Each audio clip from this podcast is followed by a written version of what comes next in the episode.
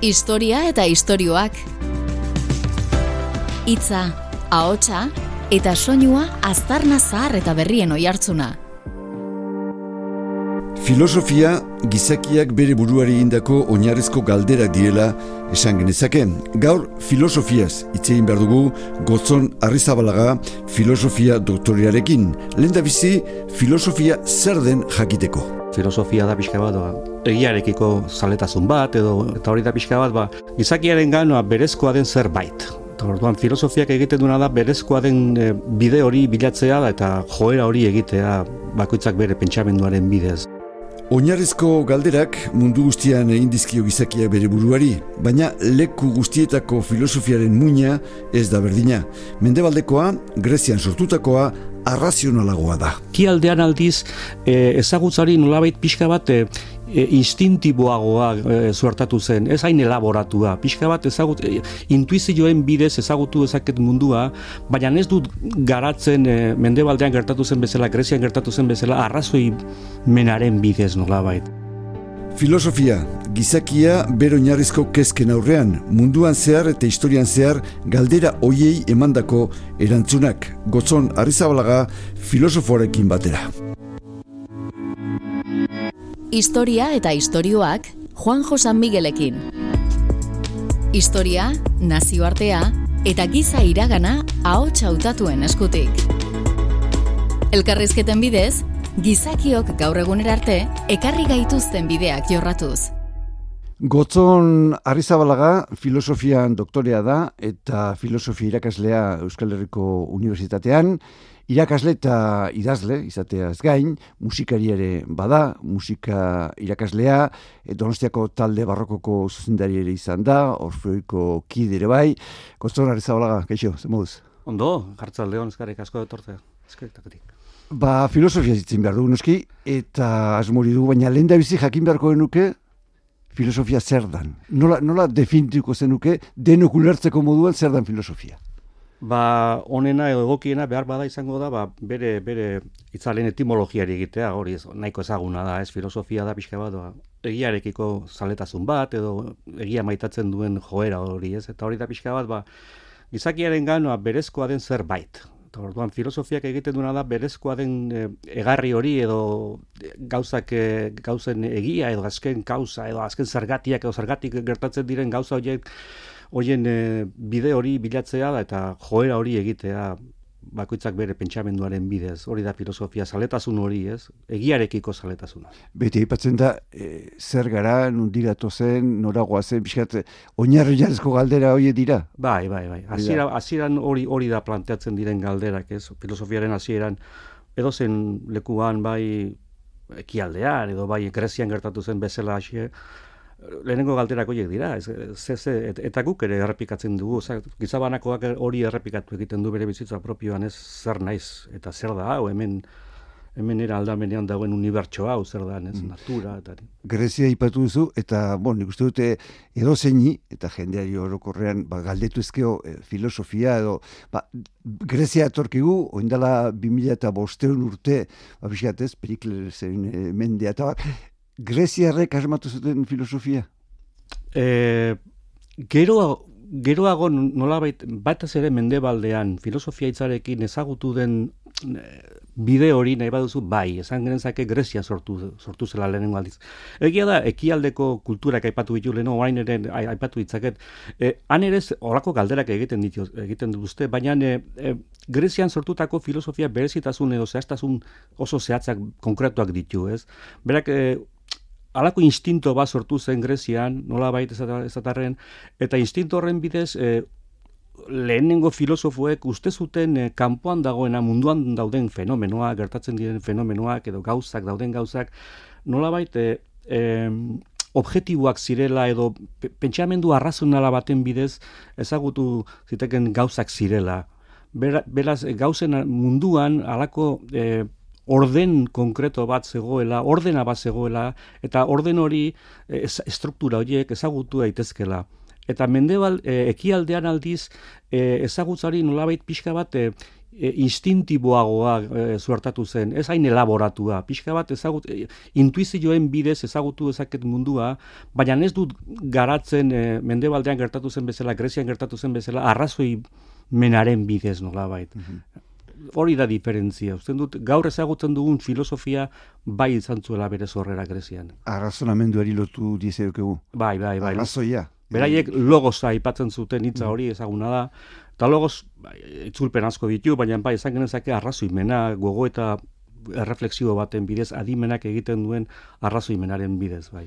Eta Grezia aipatzen baden badugu, edo Greziako filosofia, lehen da bizi, ba, Sokrates datorki burura, gero ba, aita baliz bezala, gero e, Platon eta Aristoteles jarraitzailea bezala, edo zein galdetu ezkedo, e, ezaguna dira, denak, ah, bai, ja, baina, egin zutena, edo, edo utzi zigutena, ez da ezaguna. Ze, ze utzi ziguten, ze dira hain, hain importanteak batez ere hiru hauek. Bai, aurre, aurret, aurretik ere izan ziren beste batzuek, prasokratikoak ederitzena, eta barbara orduan aitonak izango ziren haiek baina e, zer egin zuten edo zergatik e, oraindik daukate garrantzia nik uste dut e, mendebaldeko zibilizazioa edo batez ere Europan garatu dena e, gu euskaldunak barne jakina nik uste dut oraindik e, Grezia Grezian sortu ziren, Grezi, Greziarra garela.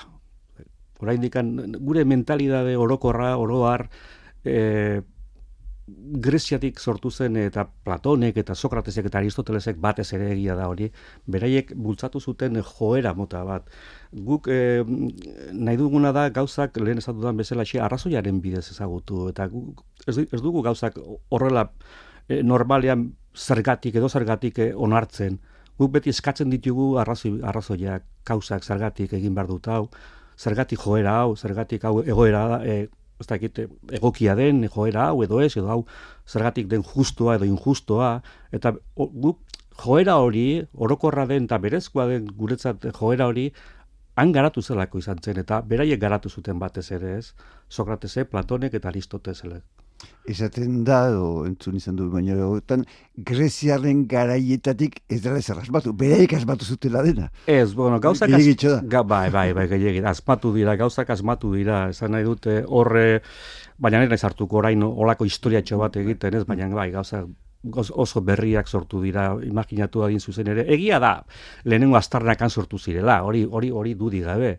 Baina gero garapen oso, ez no gazango nuke, estrakresiar batzuek garat, gertatu dira. Mm -hmm. Pentsazazu adibidez, ba, e, adibidez Koperniko baten arkuikuntza ez, zuzen ere, ba, e, heliozentrismoaren kontu hori, mhm edo Galileoren legeak, edo zer izanik ez errelatibitatea, eta mekanika kuantika, eta horiek sortu diren batez ere zientzen arloetan gertatu diren berrikuntza horiek ez dira, Grezian ja dagoeneko garatu ziren gauza batzuek. Ez, hasiak zegoen, hasiak zeuden, baina garapen horiek pixka bat superatu egin dute Greziarren maila hori. Mhm. Bai.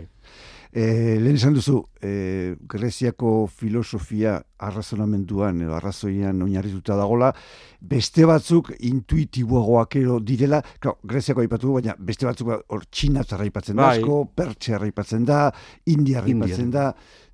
Bai, bai, bai, ez, nik egia zan ez nago oso horretan oso jantzia, ez dut hainbeste ikertu arloietan, baina hori hori bakarrik esan nahi dute, pixka bat, ba, intuizioaren bidez ezagutu dezaket gauza bat, baina gero ezagutza hori nahi baldi madut erakutsi, irakatsi nahi baldi madut, ba nik egin dezaket poema baten bidez, irudi baten bidez, eta agian nahi baldezu e, hor e, egia horren edukia, edukia, bihotza, azken bihotz hori, erakus dezaket agian poema baten bidez, edo irudi baten bidez, edo musika baten bidez, baina filo, e, mendebaldeko filosofia dauka berezitasun hori zuzen ere guk nik beti esaten dute esaldi batean e, laburtzen dut hau esaten dute mendebaldeko filosofiaren tradizioak dauka nolabait zera bat e, lelo bat edo axioma bat dela egiaren benetako etxea hitza dela mm-hmm. arrazoimena mm-hmm. dela mm orduan horre pixka bat e,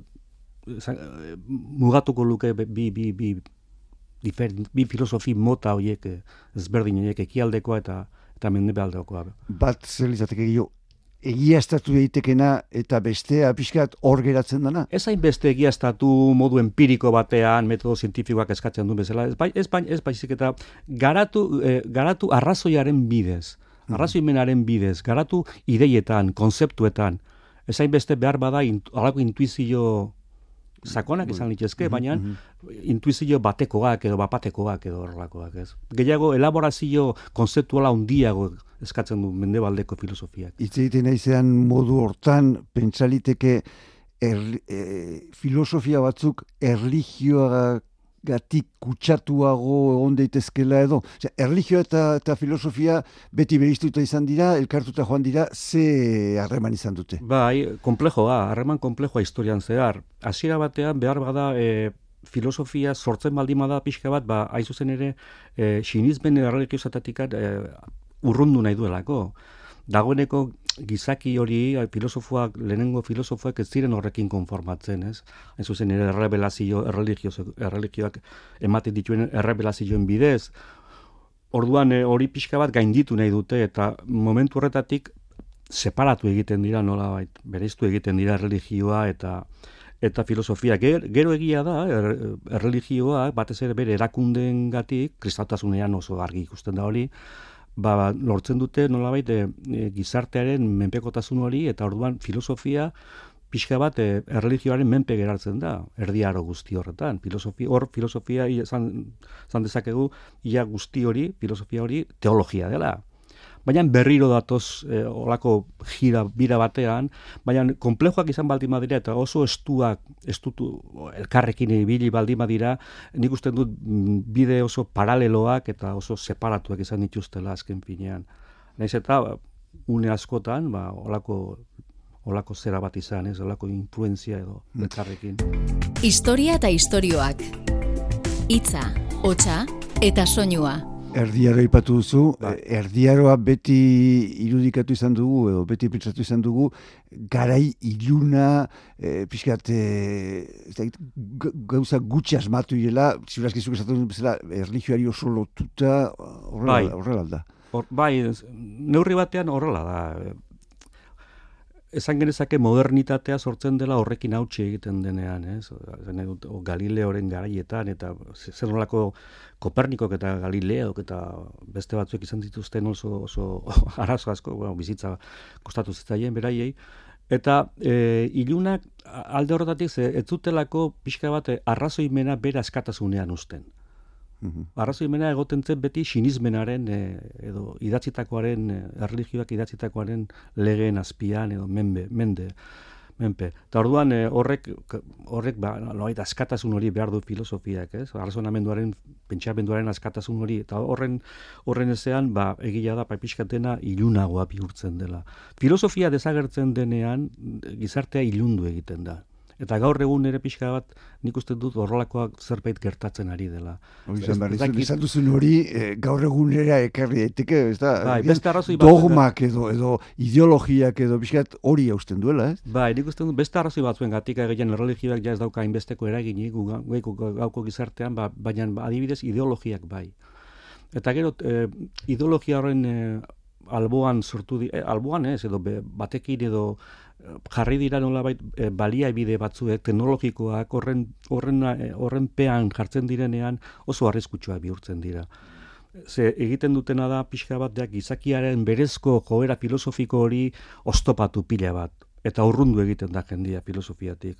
Eta baliabideak esaten ditut ba internet eta sare sozialak eta hauek non pixka bat ikusten dena da da gauza utxalak, gauza azalekoak, ez dago bat ere eh, erreflexiorik, gogoetarik, dela pixka bat da azalekoa eta oso azkarduan gauza eta hor e, gizarteak ez eta gizakiak ez du ez du ez du bere barru horretan filosofia behar duen pausa etena hori hartzen eta horiek e, oso arriskutsuak dira ze gizartea esan dudan bezala pixka bat berriro ere ez dakit ez dakit ari garen sartzen horrelako garai e, ilunetan, agian nire, nire perspektiba okerra da. Eh? Mm Gara ilunak aipatu dituzu erdiaroan, ernazimendua e, berpizkunde izan zen, argi ekarri zuen e, baita filosofiara ere? Baita, ere, pixka bat lehenago behar badar, baina bai, ba, aldi, aldi berean, esan dut, hemen nik usten dut filosofiaren historia nahiko onartuta dagoela da, nola baite berriro filosofiaren askatasun hori datorrela deskartezekin, mila amazei garren e, mende horretan, eta da, horrengatik batez ere ez, hain zuzen ere, askapen hori berriro ere lortu edo saiatzen ari delako eta sujetuak bere bere duintasun filosofikoari berriro egiten diolako. Hala ere, e, erligioko hendik ere indarruti ezukan, ez? Orduan bai, izugarria eta, eta horregatik eh, nahiko nahiko gogorrak izan ziren filosofiaren zat garaiaiek, baina eh, garaile sortu zen, nire ustez garaile sortu zen. Tarteak, esan nuke martirreok batzuek tarte. Hori, hori esan nahi dizut, azkenean batzuk euren filosofia eta euren e, pentsa molde edo pentsamentu askeago hori aurrera mateko, bazkenean ba, hile izitu zen. Bai, bai, bai, bai, bai, bai, bai. Eta, eta, eta atzera, eta nolabait ere pixka bat, formala izan bat zen ere, filosofiaren ere, traizio bat egin zioten, edo zen ere, onartzen zutelako, onartu zutelako modu formal batean, hori egia da, bere, bere bizitzaz e, libratzeko, ez? Ba, izuzen ere, bere, bere, berak esaten, esaten zituzten gauza filosofikoak nolabait, ba, bueno, gauza teorikoak zirela, baina azken finean, ba, erreligioaren egiak zirela, benetan ziren egiak eta horrelako gauzak, ez baina, ja bidea dagoeneko zabalduta zegoen.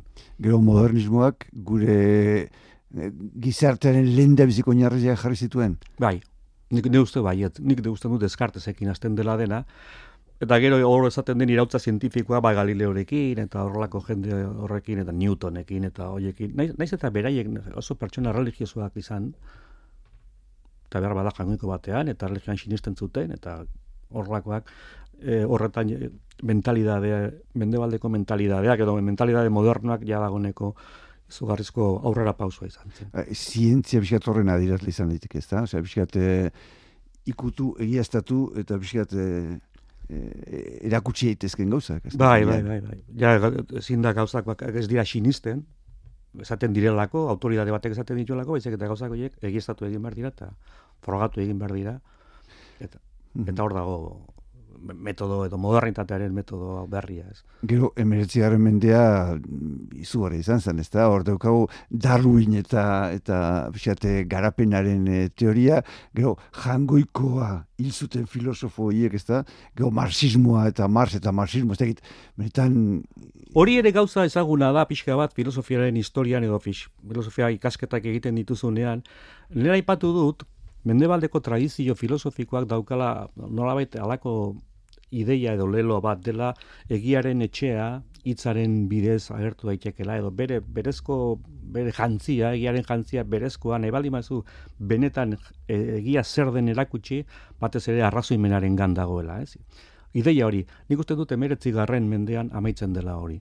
Eta hor hiru hiru hiru adar berri sortzen dira nere ustez nere ikuspegitik. Mm direla e, zuk esan dira apatu aipatu dituzu bat e, jangoikoa hil egiten denean Nietzsche non esaten du ez eh, begira arrazoimenaren e, azpitik nahi badezu zerbait funtsaskoa badago eta da borondatea edo naia eta gogamena eta hori ez. Gero Mars dudi gabe, esaten duenean ez begira, funtsan dago men, izakin artean eh, lankidetza egiten dugun produzioaren bide, balia bide guztiak eta bar, produzioaren edo kapitalaren mundua, dena baldintzaten duen estrukturak daude, hoiek, marxismoak, eta bestea, nire ustez ere, Freud izan zen, filosofoa izan gabe, Freud non berak inkonstientearen aurkikuntza horrekin edo pixka bat psikologiaren edo gizakiaren eh, barneko estrukturari izugarrizko no, berrikuntza dakarren. Eta jakina, e, erreligioaren kontrako behar bada andan handiena eh, darbinek ekartzen mm -hmm. du evoluzioaren teoriarekin. Mhm. Filosofia beste gauza bat, beste gauza batzuetara begiratu behar du. Mhm. Gero, hori garren mendea gatoz, eta, bueno, historia gila asko kesatu dute, ba, ziurazki, e, gizakiak bizizan dako e, izugarrikeria undienak bizizan genitu, bo, zituela, ba, lehen mundu gerra, bigarren mundu gerra. Horrelako goretan, filosofia nun gehatzen da, zer egin dezak, egoain, Ukrainian bizi dugun egoera hontan, ez da, filosofia hor nun gehatzen da, nun gehatzen zaigu. Filosofiari e, ezin zaio eskatu e, aposterioriko erantzuna bat. Ez, egin behar dena da, da gizak, gizateria edo, gizak, edo gizartea nolabait filosofiarekin prestatu, giza, gizartea filosofiarekin prestatu horrelako gauza gertak ez ditzaten. Orduan hori hori hori eskatu behar zaio filosofiari, baina ez ez ez a posteriori, zer egin dezake filosofiak orain? Horrelako egoera praktiko batean, horrelako larritasun egoera horretan ezin du ia zer egin. Mhm. Aurretik prestatu behar dira gauzak, ez? Orduan, baina beti izaten da gauza bat, eh, niri galdetu diate, normala da, filosofo guzti galdetzen digute hori ez. Zer egiten, zer egin dezakegu filosofiarekin, o zer, zer zertarako balio du, edo filosofiak ez du ezer egiten. Ez du ezertarako balio, bakarrik egiten du da gizakia prestatu. Ez du ezer egiten, ezin dugu ezer egin filosofiarekin, bera agian filosofiak zerbir, zerbait egin dezakegu gan. Orduan, pertsona da filosofiaren produktua. Pertsona, ez, ez teknologiaren bidez egin daitezken Horengo galdea beti eta beti egiten dula zertarako balio du. Hau da, agian ez du e, balio garritasun hori. Ez, da? ez dauka balio ez, ez, praktikoa. Kapitalaren ez du zertarako balio filosofia horregatik, desagertzen ari da filosofia pixka bat, baita ere ikaskuntzan eta horregatik. Hori izan behar nizun, zuk esate duzu, momentuan filosofiak ezin du zerrei. Filosofia ez da, ez da gite, olako tresna bat, gauzak konpontzeko. Baina egia da, aurretik prestatu behar dugula jendea, personak. Gizaki, gizaki mota bat, edo gizakia izateko balio batzuen eh, barruan prestatu. Eta askatasunaren ba, barruan eta eta eta juizio kritikoaren eta norberaren juizio kritiko horren horren baitan eta eta hitzaren bidez egin daitezkela gauzak konpondu alden neurrian behintzat. Baina filosofia ez da ez da gerraren kontrako gauza bat, ezin da mhm, ezin da mm ez da antidoto bat. Eta batzutan filosofo batzuek ere eh, gerraren alde egin izan dute. Bai, bai, bai. Guk esaten dugu garren mende oso gogorrentako izan, agian horre izan, baina baita ere komunikazio gehiago daudelako eta bar baina guk adibidez Greziako garaiaietan ez genuke egun bat edo aste bat iraunduko. Mango mhm. balditzako zego bai, bai. gorra guazirelako. Orduan, e, filosofia da gauza bat aurretik egin behar den, prestatu eta landu behar den gauza bat. Ez erremedio bat, mhm. erremedio. Ez da, ez da, hortarako. Ba, hori kontutan hartuta, e, pixkat, e, harrigarria da, ez da, e, mendebaldean gertatzen nahi zegun, ez, e, esaten dugu, filosofiak jendea prestatu beharko luke, e, gizakiari baliabideak eman beharko lizkioke, ba, aurrera begira bere bizitzaz, bere, bere inguruaz eta ba, hausnarketak egin da bide egokiak aukeratzeko, eta estudio plan guztietatik entzen ari dira filosofia. Bai. Ze, gertatzen ari da? Ba, hori, hori gertatzen ari. Ez zuzen ere kapitalaren e, bizitza honetan, gu kapitalaren bizitza bizigea. Zer, hemen e, gehien baldintzatzen duen gure bizitzak da kapitalaren mugimendua. Hori abakit oso orokorra dela, oso laua dela hori izatea, baina hala da, orduan. Estaduak ere, estaduak kapitalaren bizka bat menpe daude. Ez da ez da alde bateko izateko, edo beste ideologia bateko, edo bestea, ez? Horrela da praktika eta marsek hori izan zuen eta iragarri zuen eta eta gertatzen da eta gertatuko da. Orduan, e, zergat, filosofiarekin zer egin, oker eta handi bat dela uste dut, baztertzen baldima dugu filosofia, esan dudan negatik. Filosofia zerbait arduratzen baldima da, da importantena, da gizakiaz. Gizakia da aldatu berdena, ez, ez, ez, ez aldatu beste gauzak, teknologiaren bidez, gauza batzuk, jakina, medikuntzan eta bar, inork ez dukatuko aldakuntzak eta egin behar direnek, eta aurrera penak, eta teknologian inbertitu, eta baina inbertsio honena da gizakiaren gan inbertitzen denean. Eta hori da filosofian inbertitzea filosofiak etzen baldin baduzu, gizakia gert, gertatuko da izaki frakasatu bat bezala. Zeratik garatuko ditu gauza asko, baina bere barruan ez du, ez du bere, bere, bere berezkoak dituen doaina garatuko. Izakia da batez ere izaki kreatzaile bat. Kreatzaile bat eta libre bat. Azke, berak badaki, bere, bere pentsamenduan, berak izakia badaki, berak gauza berezia dela. Bizitzan, unibertsoan. Gauza oso singularra, oso, oso miraria. Eta bere batez ere garena gara izaki pentsalariak. Pentsalariak eta horrekin ezaren du sortzaileak. Mm Orduan guk sortu egin behar dugu eta kreatu egin behar dugu eta pentsatu egin behar dugu eta pentsa. Eta orduan filosofiak entzen baldin badezu, ba, gizakiak utxalagoa, azalekoa, interes gutxiko gauza bihurtuko da. Mm Orduan e, filosofia bazartzen baldin badugu, gizaki mota bat baztertzen ari gera eta asko ze interes gutxiagoko gauza batean bilituk, bilakatuko da gizakia. Historia eta istorioak. Hitza, ahotsa eta soinua aztarna zahar eta berrien oihartzuna. Oain, e, gauza bitxi zamar bat gertatzen da ze, e, bueno, e, zuk esatu zu, e, kapitalari edo, edo, azken finean, gure gizarte, konsumo gizarte honi, ba, etxeo interesatzen, eta gaztea izatzen bu, filosofian, hortik joaten bazea, ez zuzere eta zientzia, zientzia indartzen da, ezta? Baina, bueno, e, filosofok, eta esatu zuen, zientzia filosofiatik datorrela, eta filosofia dela zientziaren zorrera. Hasiera batean, e, hori berizketa hori zientzia eta edo teknologia nahi badi madezu, baina zientzia eta filosofiaren arteko berizketa oso berandu gertatzen da. Eh? Lehen aipatu dugu, ba, Europan gertatu, eh, Descartes filosofoa zientzelari bazen. E, Newton berak e, idazten duenean bere printzipia, printzipia filosofia naturalis, filosofia naturalis, ba, filosofia. Emere txigarren mende gertatzen den bereizketa da. Hasiera batean, lehenengo aipatu ditugu presokratikoak eta horiek denak, orduan etzagoen horlako bereizketarik, ez?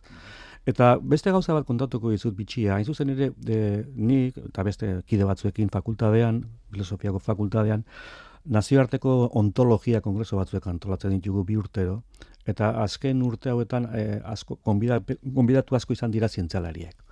Nobel sari dunak ekarri ditugu, asko, sortzi edo Nobel, fizikan, fizikan, eh? Nobel sari dunak.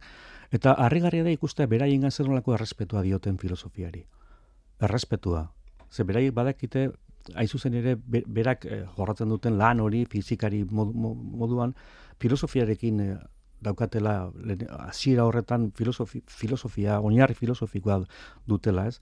Ta or, orduan pixka e, guretzako ere hori nolabait pozgarria da ikustea hain zuzen ere, ba, nola filosofiak egin behar dion zientziari, baina nola zientziak ere filosofiari errespeto, errespeto begiratzen dion, begirunez begiratzen du, ez?